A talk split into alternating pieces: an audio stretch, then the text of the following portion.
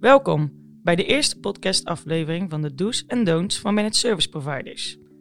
Deze podcast bestaat uit drie afleveringen van circa 20 minuten, waar we inzoomen op de risico's en best practices van het MSP-vak. Mijn naam is Ashley Schut en binnen IZ Nederland ben ik actief als Solution Advisor MSP. Dagelijks werk ik samen met verschillende managed service providers binnen Nederland op het gebied van Security as a Service. Vandaag zullen we vooral spreken over de risico's van MSP's en dat doe ik samen met mijn collega Jamil Sosa van ISET en Johan Bakker van MSP Mentor. Welkom heren. Voordat we van start gaan wil ik jullie ook even vragen om jezelf voor te stellen. Om te beginnen bij Johan. Wie ben je en wat doe je? Ik ben Johan Bakker van MSP Mentor. Uh, wij begeleiden MSP's of IT-bedrijven naar het uh, worden van een MSP. Um, en eigenlijk met het hele portfolio wat ze hebben. Dus bij hun eigen aanbiedingen, uh, het verbeteren van hun processen, procedures. Uh, en we kijken heel erg naar de tooling die ze gebruiken om zoveel mogelijk dingen te automatiseren. En zoveel mogelijk um, uh, werk makkelijk te maken voor ja, eigenlijk iedere rol binnen het bedrijf. Dus of het nou gaat om de techneut of iemand van de administratie. Kijk echt naar het hele vlak van een MSP. Um, en, en het aanbod van wat ze aanbieden is daar, daar een onderdeel van. Super, dankjewel. Jamil. Yes, mijn naam is uh, Jamil Sosa. Ik ben lead threat analyst bij IZ Nederland. En ik hou me voornamelijk bezig binnen onze SOC uh, met onze security services voor het monitoren van klanten, eindklanten en onder andere ook MSP-partners die meerdere klanten beheren. En dan schakelen ze de security stukje naar ons over. En wij zijn dan verantwoordelijk voor het monitoren van de bedreigingen en wellicht uh, verdachte activiteiten binnen hun netwerk. Yes, super, dankjewel. Ja, vandaag gaan we eigenlijk vooral kijken naar de risico's van MSP's. En eigenlijk om te beginnen wil ik even vragen aan jullie van... wat is in jullie ja, opinie nou eigenlijk een MSP? Hoe omschrijf je een MSP? Ja, ja nou, de afkorting staat natuurlijk voor Managed Service Provider. Yes. Dat is eigenlijk een IT-bedrijf wat diensten aanbiedt voor een vast bedrag per maand. Uh, en niet alleen het voor een vast bedrag per maand, dat is natuurlijk een, een, een leuke gedachte. Maar vooral die uh, zijn eigen klanten proactief beheert. Dus voor dat bedrag uh, zoveel mogelijk werk weghaalt bij de eindklant. En, en ja, voor zichzelf het makkelijk zoveel mogelijk geautomatiseerd doet, zeg maar, uh, daarin. En dat is echt het, het stukje managed van, van de MSP, zeg maar. Ja, en zie je dan ook nog verschillende smaken binnen die MSP-markt? Dus inderdaad iemand die het volledig ontzorgt of iemand die het gedeeltelijk ontzorgt. Welke smaken MSP's kom jij vooral tegen in jouw ja, je, je, ziet daar zeker wat verschillende smaken in. Um, je, je, hebt bedrijven die doen gewoon echt uurtje, factuurtje en noemen zich MSP. Um, ja, die heb je nu eenmaal. Uh, die zijn dat nog niet, want die doen het niet uh, voor een vast bedrag. En vooral ook niet proactief, want die werken vaak nog heel erg reactief.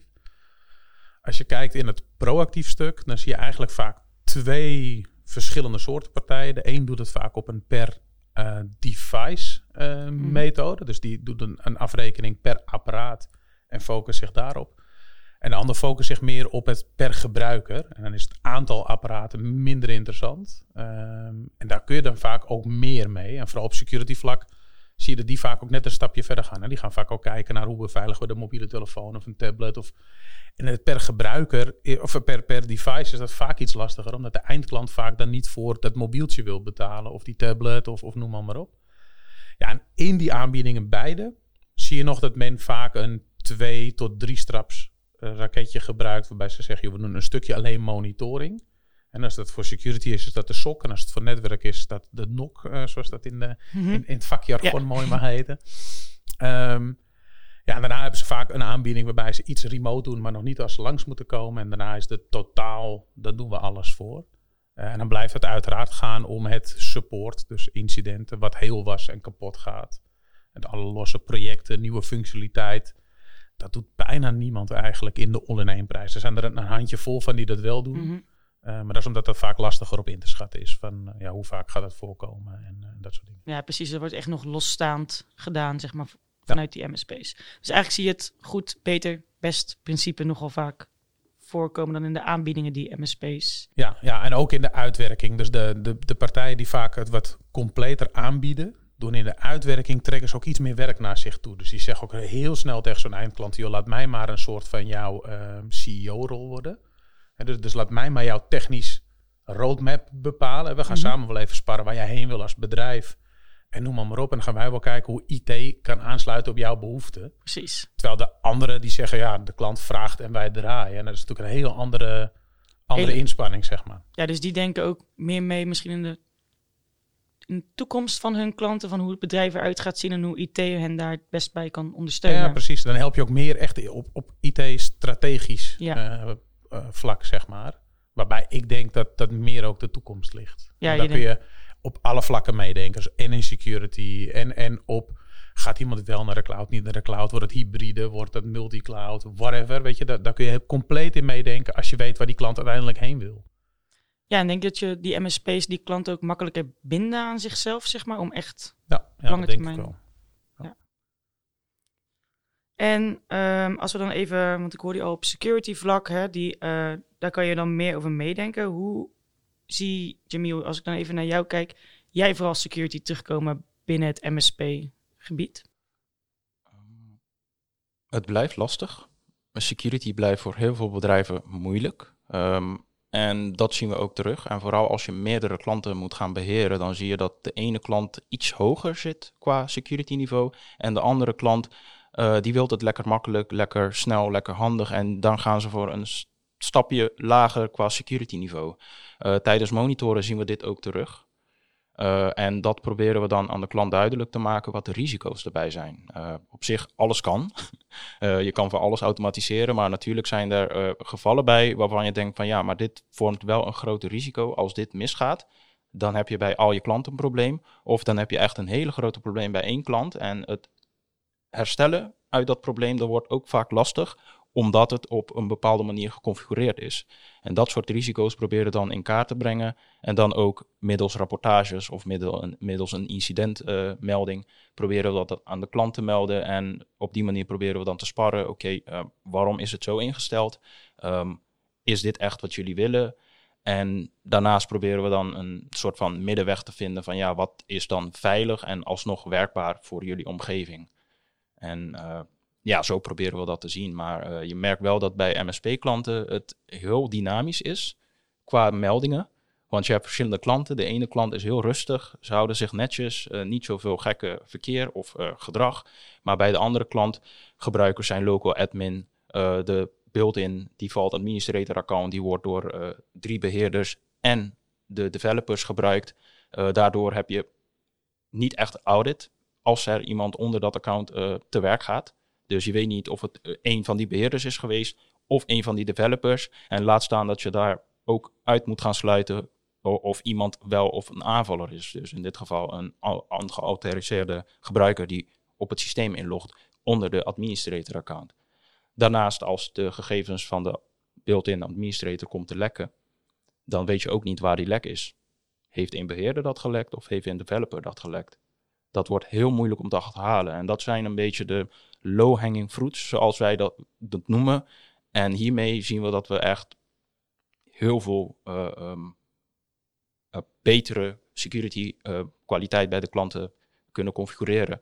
Want het, het is heel gek, bij ons is het op dit moment ingebakken. Default admin wordt alleen gebruikt voor backup en restore. Maar bij sommige klanten, ze zijn daar niet van bewust. Ze denken daar ook niet verder over na. En pas als wij dan terugkomen van ja jongens, dit is een risico, dit kan gebeuren. Dan gaan ze denken, oh ja, je hebt helemaal gelijk. Hoe moeten we dat doen? En op dat moment gaan we dan met de klant eh, meedenken om te kijken van ja, wat, wat is dan voor jullie de beste oplossing? En ja, je ziet bij MSP dat het eh, iets sneller gaat. Je hebt meerdere computers. Je hebt vaak dan met een omgeving van minimaal 5000 clients te maken. En bij een klant heb je vaak met 500.000 tot 2000 clients. En ja, bij een MSP is groter, veel dynamischer en je bent eh, constant bezig. Ja, dus constant bezig met dat fine-tunen. En als we dan kijken naar dat Johan zei, je hebt dat proactieve en het reactieve, wat we vooral nog zien in het algemene veld van MSP's. Zien wij dat ook veel bij onze MSP's, dat we echt hele proactieve hebben, maar ook nog steeds reactieve? Uh, ja, dat verschilt. Je ziet inderdaad uh, precies uh, wat net aangegeven werd. Sommigen zijn veel proactiever. Dus als we een melding inschieten, gaan ze vragen stellen. Gaan ze kijken van ja, wat kunnen we doen? zien jullie iets meer? Et cetera, et cetera. Maar bij sommige klanten is het melding sturen en die reageren van ja, we hebben het systeem onderzocht. Er is niks gebeurd. Je kan de melding sluiten. Dus die zijn echt heel simpel daarover. Maar bij dat soort momenten, als wij ook zien van ja, de klant die reageert veel te niet zo met hoge prio, maar we zien hier wel risico in. Dan gaan we wel eh, de klant op het niveau proberen te krijgen van ja, dit, dit zijn de risico's. Als het zo is dat je risico niet inziet, ja, dan moeten we eventjes gaan kijken of uh, we moeten beter gaan uitleggen wat de risico's zijn en wat er echt kan gebeuren. Uh, of dat het in deze specifieke situatie bij de klant het helemaal geen risico is, omdat de schade dan heel beperkt is. Bijvoorbeeld tot één systeem, in plaats van tot het hele domein, bijvoorbeeld. Dus. Ja, en die rol van MSP's is dus eigenlijk best wel cruciaal ook in het adviseren van hun klanten weer van wat zijn jullie risico's als je dit of dit niet hebt afgedekt. Johan, kan jij misschien iets meer vertellen over hoe cruciaal zo'n MSP dan ook eigenlijk is voor die klanten op elk vlak naast het security vlak? Ja, super, super belangrijk. Want, want een MSP die zelf meer inzet op het reactief, die is eigenlijk helemaal niet gebaat om het heel goed te doen voor zijn klant. Dat, dat is natuurlijk een heel rare gedachte, Mhm. maar die is ergens heeft die profijten van iedere keer zijn klant storing heeft. Want dan gaat die klant bellen, dan mag hij reactief reageren en dan mag hij een rekening gaan sturen. Ja. Terwijl een klant die het proactief doet, die heeft veel meer het belang zelf om zo min mogelijk gezeurd te hebben met zijn klant. Dus die gaat veel meer nadenken op al, ieder vlak. Wat kan ik doen om problemen te voorkomen? Want die wil uiteindelijk zo min mogelijk gebeld worden, dan blijft zijn marge hoger. Ja. En dat is een win-win, denk ik altijd, voor beide. Dus voor die, en voor die eindklant beter, want die wordt echt veel beter bediend. Eh, en voor die MSP vele malen relaxter, want die is veel beter in regie. Als je, als je reactief werkt, dan moet je een klant gaan overtuigen, dit is goed voor jou. En als je proactief werkt, zegt tegen de klant, joh, je hebt het bij ons uitbesteed, omdat wij het beste met jou voor hebben. Ja. Uh, en, en dit is ons beste met jou voor hebben, is dit. En, en ja, weet je, security is al, blijft dat een lastig ding, want alles wat je extra in security inzet, neemt vaak af in gebruiksgemak. Maar daar moet je mensen juist een beetje gaan leren van, joh, hè, ja, het neemt af in gebruiksgemak, maar het is wel een stuk veiliger. Ja, dus ook weer die, eigenlijk weer terugkomend op die risico's in kaart brengen van dit en dit kan er gebeuren als we het niet doen. Ja. Um, dus we hebben het beste met jou voor, inderdaad. En het lijkt me ook dat die MSP's leukere gesprekken hebben misschien met de klanten, in plaats van dat ze de klanten vaak spreken op het moment dat er iets fout gaat. Ja, dat je ook leuke voortgangsgesprekken hebt, zeg maar, uh, met je klant. Ja, ja anders heb je alleen maar een beetje de slecht nieuwsgesprekken. De factuur is te hoog, we hebben te veel storing, we bellen je te vaak. Ja. Terwijl andersom is het veel leuker. Dan zeg je, joh, met je klant, hey, hoe gaat het eigenlijk? We zien niet meer zo heel veel storingen, dus we doen ons werk goed. Uh, en dan, dan, kun je meer kijken, joh, hoe kun je nog meer naar de toekomst met die klant meedelen. Dan heb je ook meer tijd om, om echt met een klant zijn IT-strategieën mee te varen, zeg maar. In plaats van alleen de issues oplossen die er op dat moment zijn. Ja, ja weet je, dan denk ik, had je bij de brandweer moeten gaan. Kun je brandjes blussen. Ja, brandjes blussen, inderdaad. Die doen ja. weinig preventief, hè. Dat, dat is ook een beetje zo'n ding. Ja, nou ja, wel grappig om um, te horen dat Jamil vanuit security vlak vooral, maar jij vanuit het algemene vlak toch diezelfde dingen wel uh, terugkomen eigenlijk op, uh, op alle gebieden. Want um, jij gaf dan aan, joh, ze weten het vaak niet. Maar wat zijn nog meer valkuilen uh, die jij tegenkomt, Johan, bij MSP's? Gewoon waarvan je zegt, daardoor kunnen ze of niet verder of hun klanten misschien niet optimaal ondersteunen? Ja, soms skippen ze zelf de basis. Dus soms varen ze blind op iets wat ze al vijf jaar doen. Wat je, wat je ook nog wel eens bij grote bedrijven met interne IT ziet. Hè, die zich wat minder doorontwikkelen. Zie je ook hier de, de partijen die wat minder heftig proactief zijn. Zichzelf ook iets minder uitdagen en ontwikkelen. En want beveiliging, dat, wat Jamil net ook zegt, hè, het, het standaard administrator account. Ja. Ja, dat is niet van, van dit jaar of vorig jaar. Dat speelt Nee. al jaren. Maar uit gemak is het zo lekker makkelijk om het te doen. En we schrijven het allemaal ergens in een toeltje waar iedereen bij kan. Ja. Uh, en, en, het is zo lekker als maar kan. Uh, en dat, dat is echt van alle jaren. Maar als je in de basis begint, en je begint bij de basis al met, met of security of met, dan, dan wordt het allemaal veel makkelijker. Dus echt de basishygiëne. Als we dan kijken naar het security vlak, bijvoorbeeld MFA instellen op je accounts, geen gedeelde accounts. Dat Ja. soort zaken gewoon.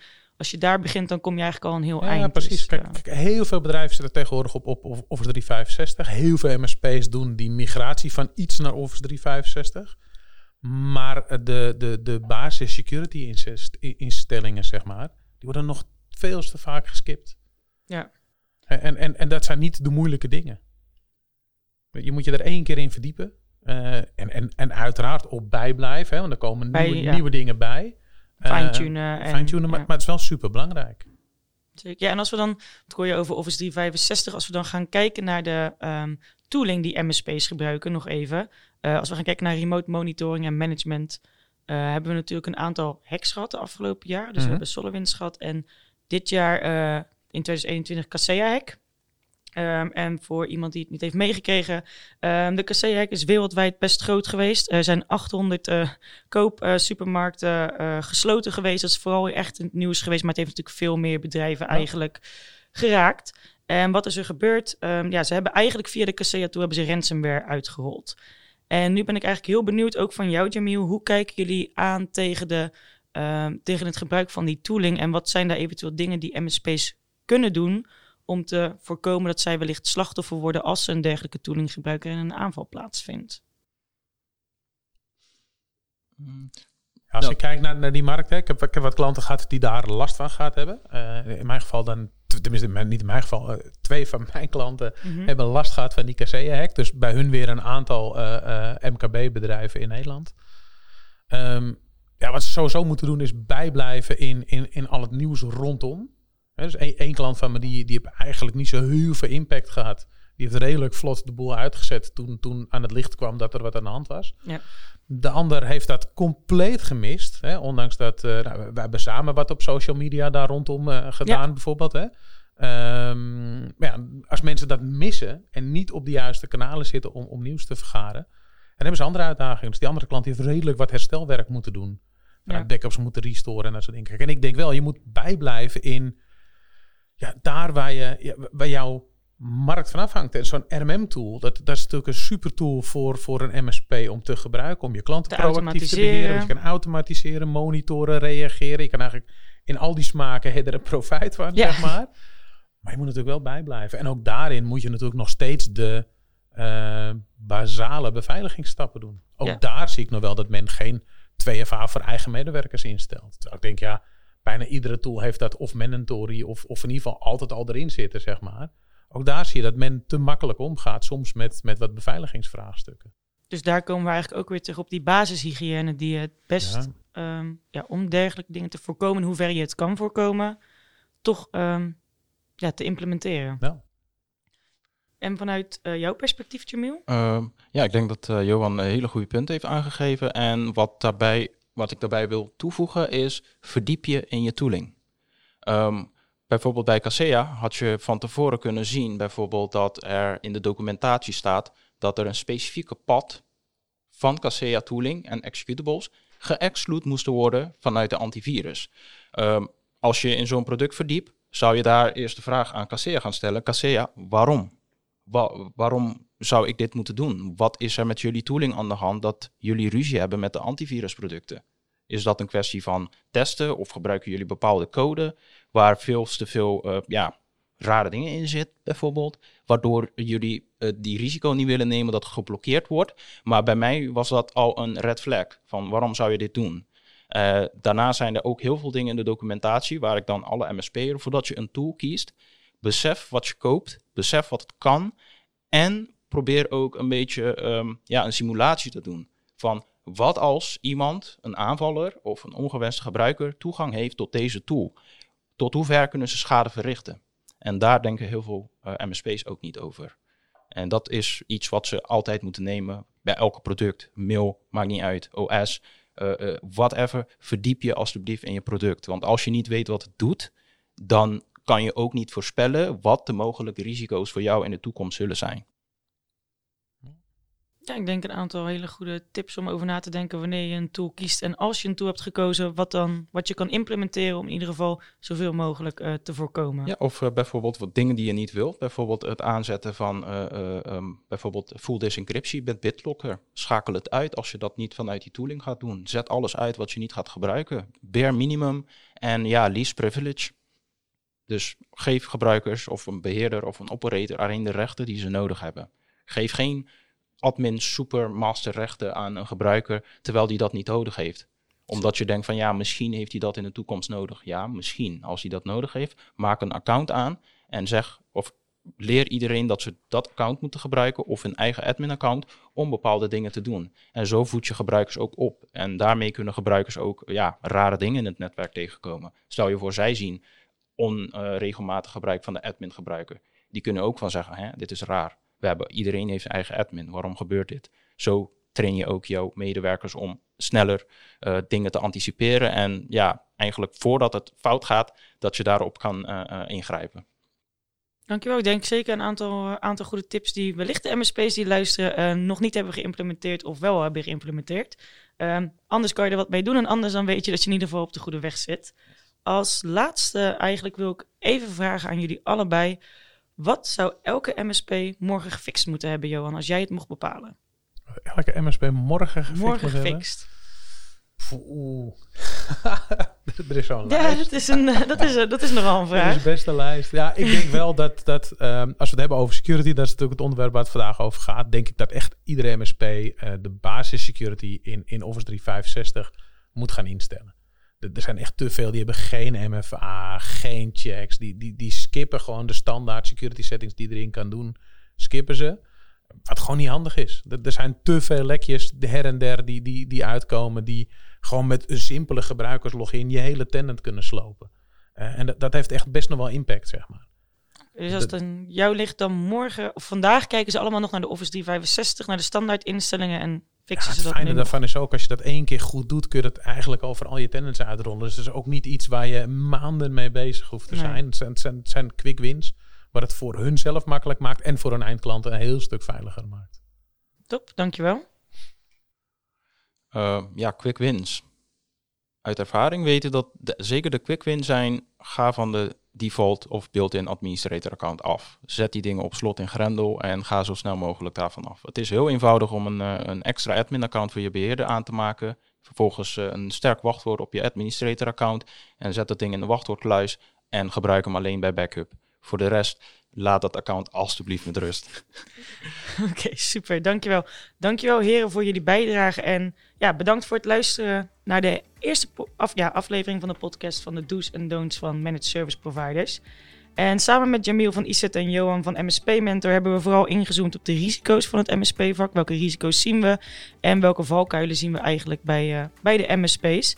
In aflevering 2 ga ik met Danny van ISET en een gast vanuit Datto verder praten over wat je als MSP minimaal kan doen of op orde moet hebben om je dienstverlening optimaal en veilig in te kunnen zetten. Tot de volgende aflevering.